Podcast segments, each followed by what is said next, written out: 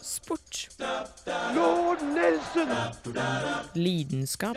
Sir Winston Churchill! Galskap. Vi er best i verden! I denne sendingen skal vi til Trondheim. Programmet akkurat for deg. Nå på Radio Revolt. Sportsidiot!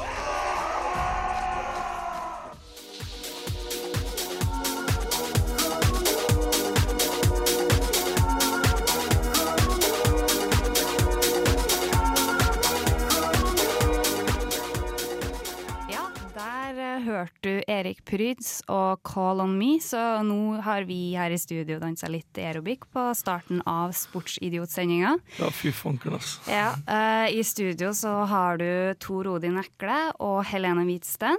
Og uh, hva har vi om i dag, Tor Odin? Nei, Jeg har besøk av to NTNU-grupper, og jeg er så heldig at vi har fått besøk av uh, ski- og fjellsport først. Kan få presentere deg sjøl? Ja, hei. Kristian Stein heter jeg da.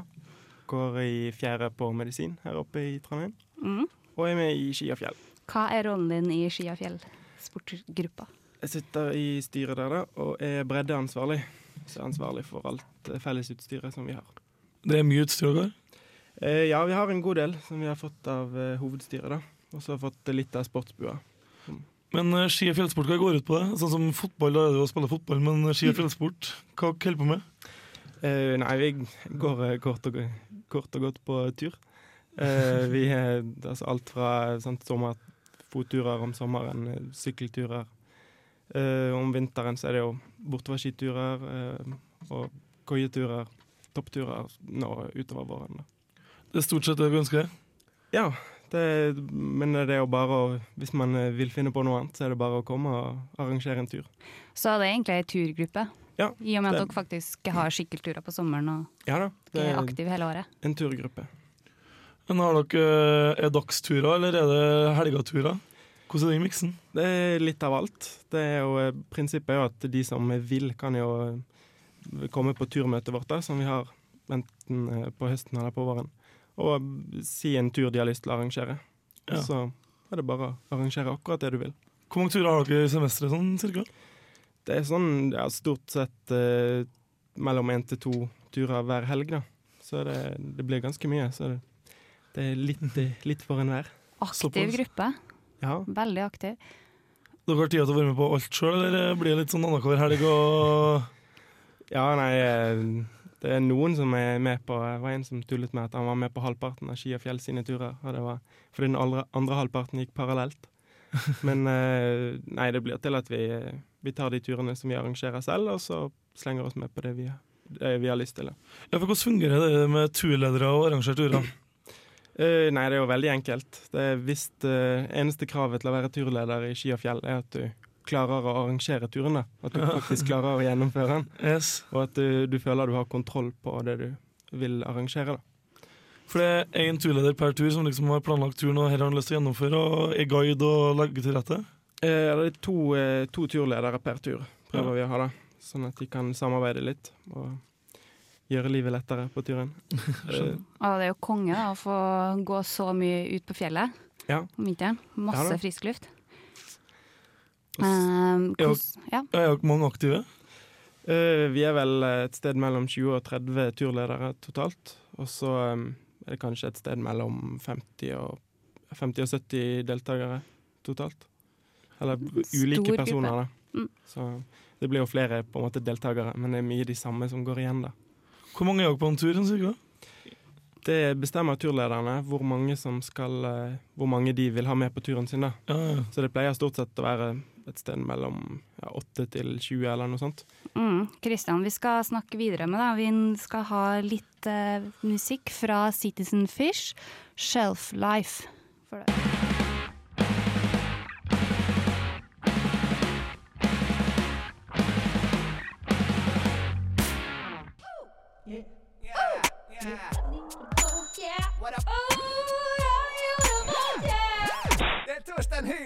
hører kun på Radio Revolt. God stil! God stil. Der fikk du Citizen Life. eh, og hvis du ikke har våkna, så regner jeg med du gjorde det når du hørte den sangen her. Virkelig deilig rock på en søndagsformiddag. Yes, sparske i gang. Jepp. Og vi har fortsatt Kristian fra ski- og fjellsportgruppa med oss her i studio. Yes. Jeg lurer på, dere får på mye turer og kreves det noe mye forkunnskap, eller hvordan er det sånn? Det varierer jo veldig fra tur til tur, da. For en koietur om sommeren så er det jo ikke veldig høye krav. Da er det bare å ha med seg noe å over i og litt mat. Yes, Hvis du klarer å huske de to tingene, da kommer du veldig, veldig langt. Men eh, jeg snakka litt med deg før vi kom inn i studio her, og jeg skjønner at det er litt problematisk på vinteren hvis folk ikke er helt forberedt. Ja, på, eh, på vinteren blir det litt mer problemer, da. For da Vi har fått veldig mye utvekslingsstudenter de siste to årene, særlig. Og det, det er jo mange utvekslingsstudenter som er vanvittig flinke, og som eh, virkelig har gjort det før. Men så er det også de som ikke helt skjønner hvor kaldt eh, kuling i minus 20 i snøstorm faktisk er. Oh. Det vet jeg nesten ikke om jeg skjønner hvor kaldt det er sjøl, men ja. Dere har gått på en smell der, eller? Eh, ja, vi har heldigvis ikke gått på smell, da. Men Nei. vi har skjønt at eh, altså, de har rukket å ødelegge turen før, før det ble så gale. Så det, det er en god del ganger at turlederne har måttet velge en annen tur da, eller har måttet avbryte turen. ja. Så det hender at dere faktisk ikke kommer dere ut på tur? Ja. Mm. Dere snakker om at dere har veldig mye turer, men uh, har dere noe sånn kurs i forhold til førstehjelp, eh, skredsøking eller sånne ting? Uh, vi har begynt å få litt mer samarbeid med Telemark Alpint-gruppen her. Så vi eh, arrangerte felles eh, skredkurs nå før i år. Uh, førstehjelpskurs da vi får turlederne våre, da. Så prøver vi å ha en sånn turlederhelg, en, eh, en i hvert semester. Hvor vi har ulike kurs og drar på en hytte og har det gøy. Og, så der har vi hatt eh, førstehjelpskurs, ja. Så det er litt sånn at uh, hvis det skjer noe, så er det alltid noen som er beredt? Ja da, jeg tror vi skulle klart. Og det har jo heldigvis ikke skjedd at folk har skadet seg stygt, da. Men eh, det var i fjor en som ble syk midt på turen, så Røde Kors måtte komme og hente med, med scooter. Ja, bra, det gikk bra. Så det er litt sånn, Dere har litt lavterskelturer, men samtidig noen turer som er litt mer krevende? Ja. Det er begge deler. Det, det stemmer godt. Hvordan er det å planlegge turer i forhold til været nå? At det, ja, Hvis dere skulle vært på barmarkstur nå, det er ikke så usannsynlig å tenke seg det, kanskje? Nei, da, da får man bare kaste seg rundt og finne på en ny tur. Det skjer titt og ofte, det. At, eh, at eh, når, det, når det er meldt kuling og kaldt i fjellet, sånt, det er jo ikke noe vits å, prøve, å, eh, prøve å legge ut på noe dumt. Det blir ikke avlyst, dere bare finner på noe annet i stedet? Ja, stort sett finnes det på noe annet, da. Men eh, noen ganger det hender jo at vi må avlyse hvis det er meldt stor skredfare og dårlig vær generelt. Så er det jo ikke noe vits å risikere noe som helst. Nei, Det skal være trivelig også. Ja, Skal jo ikke gå rundt og hate på tur. Jeg skjønner at eh, det er mye at dere er på fjellet. Det blir ikke så mye turer på byen og sånn her i Trondheim da, hvis du bruker mange helger på, på fjellet?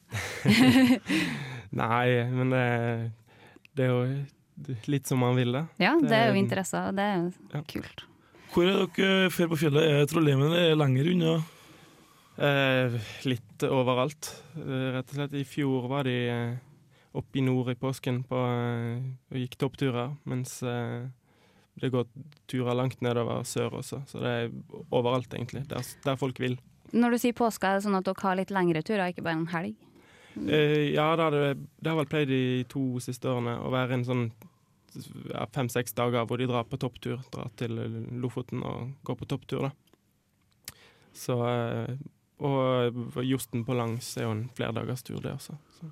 Kostnader bare blir liksom Du betaler for deg sjøl mat og transport og sånne ting, og så prøver, er det en annen kostnad som kommer i tillegg?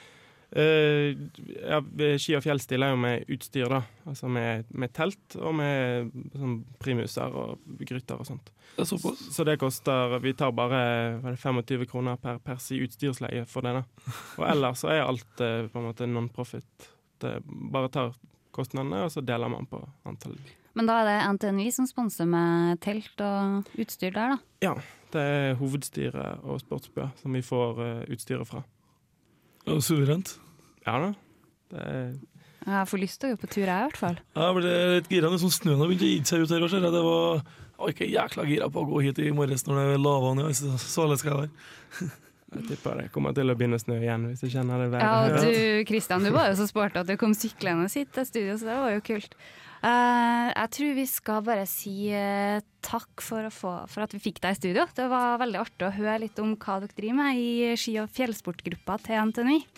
Nå får du Sirismo og High Together. Nyt det.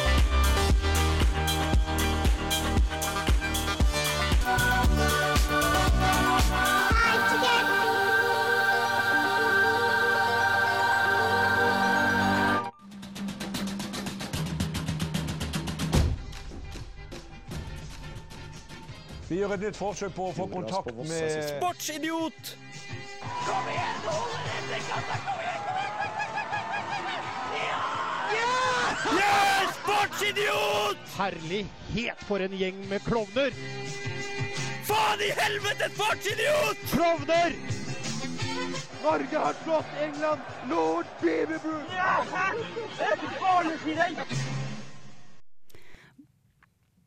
Mye gode følelser i den jinglen der. Eh, det ble kanskje ikke helt på landskampen i går, Tor Odin. Yes, jeg er storfornøyd, egentlig. Det ble poeng til Norge og 50 kroner på konto til meg. Jaha. Jeg var sjekka betting. Jeg var blitt litt smitta av Preben og begynte med livebetting og betting. Og Siden jeg skulle ut, da, så ble det ikke livebetting, men eh, jeg hadde på følelsen at dette ble uavgjort. Og jeg, jeg håper jo selvfølgelig at Norge vinner. Jeg er patriotist. Men når det kommer til penger, så er jeg nok litt mer realist. Og 1-1, jeg tror med den kampen Norge spilte, som jeg leste i etterkant, så tror jeg Norge skal være fornøyd med ett poeng. Mm. Og klarer de samtidig å ta poeng på bortebane, så er jo gode muligheter for å ta seg videre fra gruppespillet. De håper jo nå at eh, de har en reell sjanse til å komme seg til igjen. Ja, og målet, det var jo jækla pent. Daniel Bråten eh, kom gjennomspillet til Huseklepp som kom springende der. Jeg syns det var et klassemål, jeg, da. Jeg skal si at jeg satt på fest og bare så kampen i bakgrunnen. Ja. Uh, og vi var jo sikre på at Danmark har fått det ene målet, at det ikke kom til å bli noe mer. Så kom det en Huseklepp i 80. minutt og klinka det. så det var strålende. Jeg er fornøyd jeg, ja, med kampen. Ja, tøft, det. Altså, det var gode prestasjoner. Bråten, ah, jeg har så sans for den fyren. Han blir bytta inn og gjør det lille han skal. Det er ikke, er ikke den største arbeidshesten, det har han aldri vært beskyldt for å være. Men han er der til rett tid og gjør de rette tingene. Og jeg, jeg vil påstå at ikke for han, så tror jeg ikke kanskje har vært i mål i går heller. Nei, men det er sånn det skal være. Hun skal være effektiv. Ja. Fint spill er oppskrytt. Nei da, så Norge, vi kan konkludere med det egentlig at Norge de bør være fornøyd med, med kampen i går. Ja, altså, det er prinsippsak. Vi bør ikke ha opp imot våre naboland, liksom. eh, Uff, det har vært så- Det er sånn prestisjesak, dette. Ja, Tappe mot andre land det er greit nok, for de treffer vi ikke likevel. Men liksom dansker det møter vi på hvis vi skal på ferie og alt mulig, og bli så hånete. Mm. Så som jeg snakka med en som jobber med noen dansker på Og da er det jo i hvert fall ganske lite kult å ha tapt som mobba på arbeidsplassen. Jeg kjenner noen som studerer i Danmark, jeg tror det er rimelig prestisje i kampen her. Det, liksom. Ganske mange eh, nordmenn som studerer i Danmark, det er sant det. Ja. Så um, det er det vi tror vi sier om landskampen. ja, ikke så mye mer å si om den, tror jeg. Nå får du Ja Dan, Blackamore og Quick Money. Hey, it's the starting of a brand new day. Got to go and get my pay.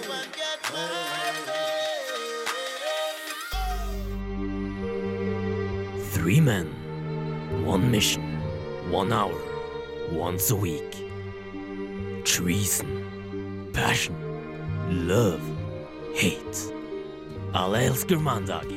4 p.m. every Monday on Radio Revolts, FM 100.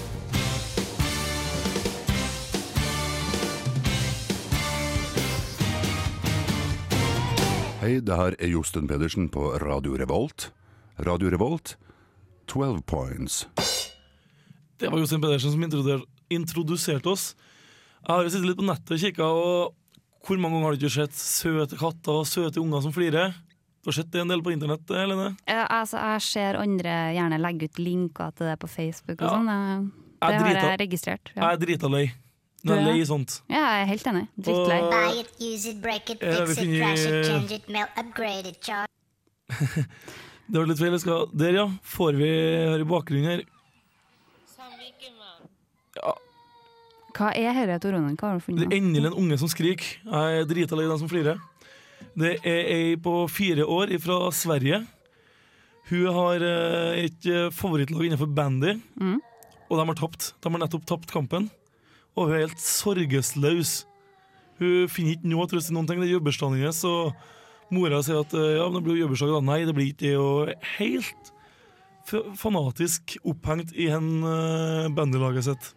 Og fire år. Fire år og helt uh, frelst. Bandy Ja, det er jo helt på høyde. Hvilket lag er det snakk om? Uh, Bolans og et eller annet svensk uh, jeg, jeg må ærlig innrømme, jeg har ikke gjort altfor mye research på svensk bandy, altså. Det har jeg ikke jeg.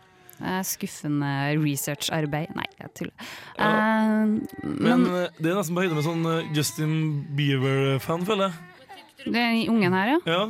Har du hatt noe sånt, du alene? Nei. Jeg tror aldri Aldri blitt skuffa på den måten over en idrett. Men hva er det å si? Sandviken er dum, da. Det er Sandviken som vant kampen. Og, ja, her er fireårsdagen hennes. Det er jobbersdagen hennes for øvrig. Og hun syns ikke det er noe artig med bursdag. Litt rørende at en unge på fire år har så mye følelser for en sport. Ja, eh, litt uh, skummelt, uh, syns kanskje. Men jeg tror vi ser oss ferdig med skrikende unger og går videre.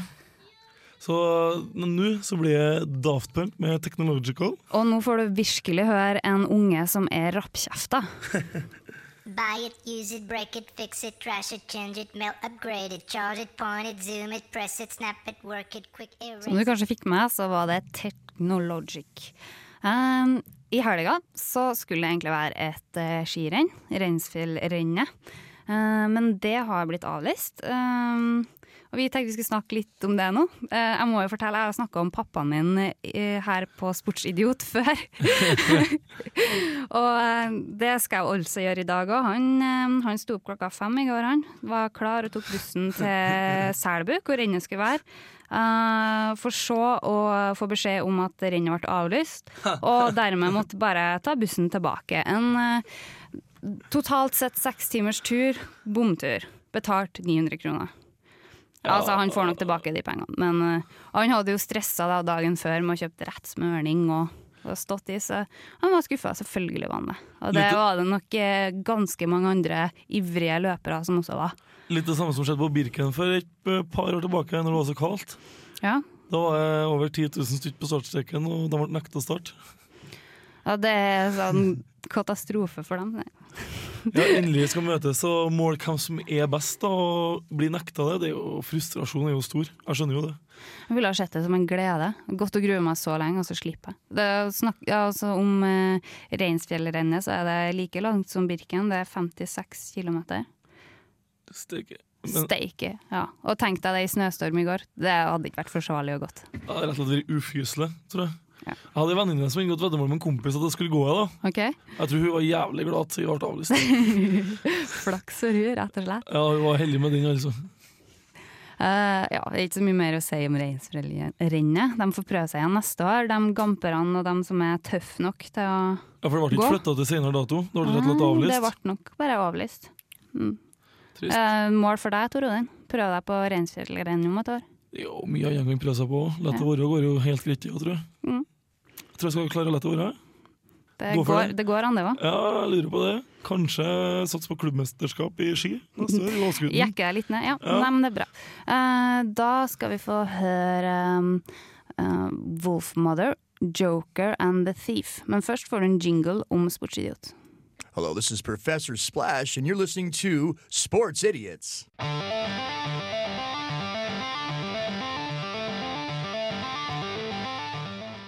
Noen herlige gitarriff der fra Wolfmother og Joker and the Thief. Nå har vi fått uh, nytt besøk i studio. Vi har fått uh, NTNU Kite-gruppa. Og da er det leder Jonas Haug, hei.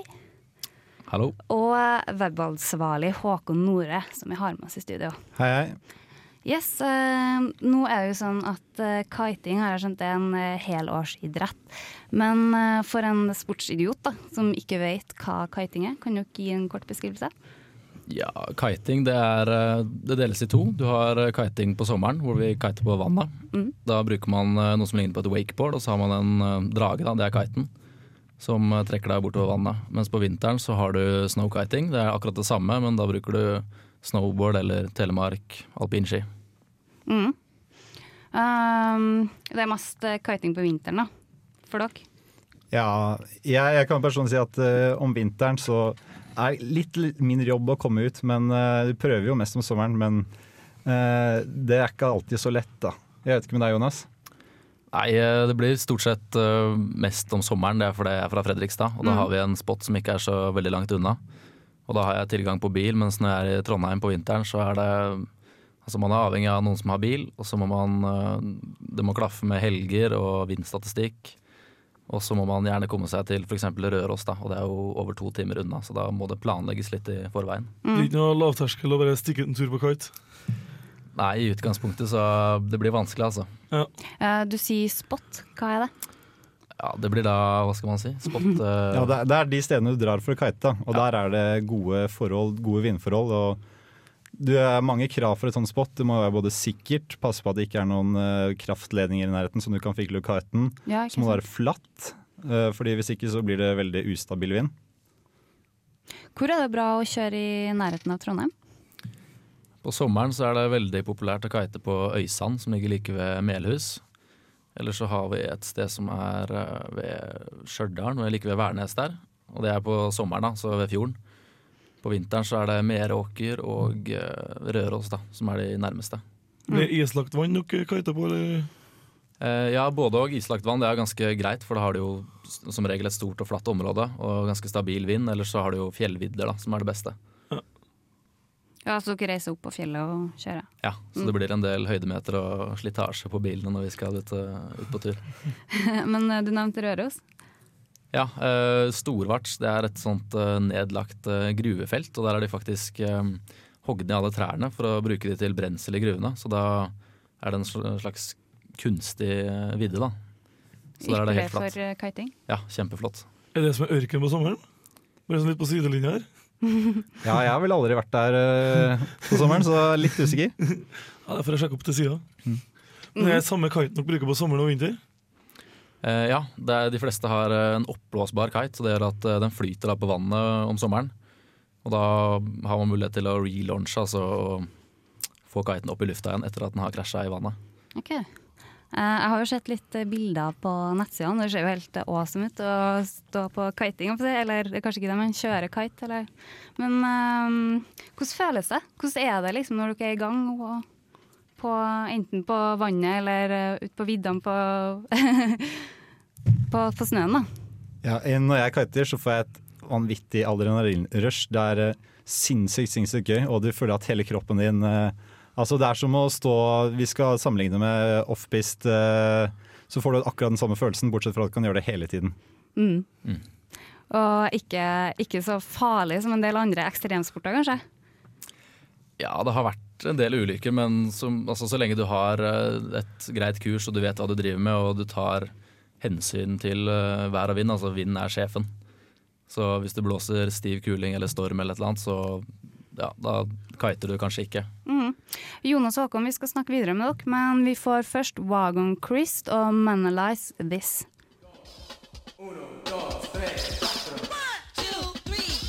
One, two, three, four, hit it! Du hører på Radio Revolt, studentradioen i Trondheim. Og du hører på Sportsidiot. Eh, vi har besøk av kitegruppa til NTNU. og Jonas Haug og Håkon Nore i studio.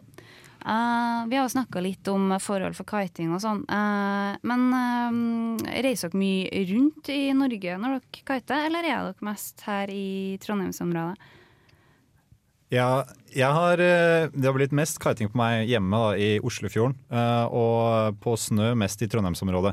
Så jeg kan ikke si at jeg har reist så mye rundt, men jeg har jo hatt et par turer til utlandet. Og det er jo mye morsommere å kite på en tre-fire kilometer lang strand hvor du bare kan begynne på toppen og bare cruise nedover stranda. Det er en helt annen annen følelse. sweet! Det er jo fantastisk ut. Ja, det Men hvordan er det for dem som er nybegynnere, har dere kurs?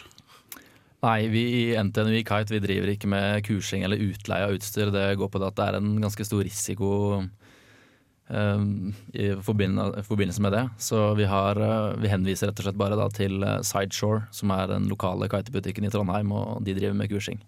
Mm. Er dere stor gruppe? Ja, vi har vel sånn roughly 50 medlemmer, tror jeg. Sånn aktive. Og så har vi ja, godt over 100 på noen mailinglister og sånt. Jeg skjønner. Eh, hva skal man gjøre da, hvis man har lyst, hvis man har tatt et kitekurs og har lyst til å være med og, og kite sammen med dere? Da er det bare å bli med i Facebook-gruppa vår, NTNUI Kite. Mm. Eller gå inn på ntnui.no og finne sidene våre og bli med på mailinglista. Og det er mer et sånt eh, sosialt nettverk hvor vi mm, selvfølgelig er venner og sånt alle sammen. Og når vi skal ut og kite, så prøver vi å kontakte hverandre. For det er jo ikke en sport hvor vi har mulighet til å ha faste treninger og drive med den slags. Det er jo avhengig av vind. Ja, ikke sant. Litt annet enn å bare sette opp fast på tirsdagskveldene. Trening. Ikke sant? Det hadde vært veldig greit. Hvor mye kostnader kan du regne med i forbindelse med å kjøpe en sånn helt grei kitebakke kitepakke til å begynne med? Ja, jeg, når jeg kjøpte kite, så begynte vel på sånn 10 000 for å få alt utstyret du trenger på snø. Da. Nei, jeg mener på vann.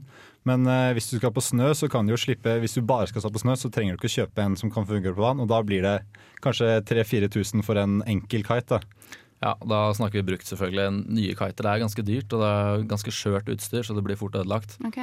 Men uh, hvis du investerer en 1500 til 2000 i et kurs, og så kjøper en brukt kite, så slipper du unna med en ja, 5000-6000.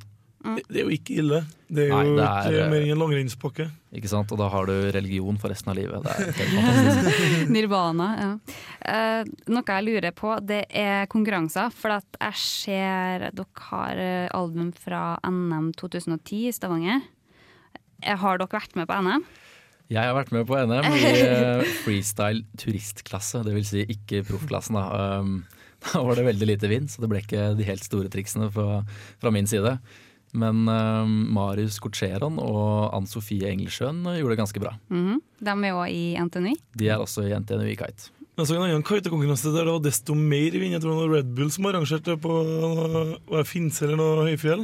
Ja, eh, Red Bull Ragnarok. Ja. Det var en ganske sånn stor internasjonal event, faktisk. Som, for det Norge er i verdenstoppen da, når det gjelder eh, kiting på snø. Og det har kanskje med værforholdene? Værforhold og eh, Altså, det er så mye snø her, så vi er veldig flinke på det. I utlandet så er det veldig stort med kiting på vann. Det er jo noe helt, eh, en helt annen størrelse på den sporten, på en måte. Mm.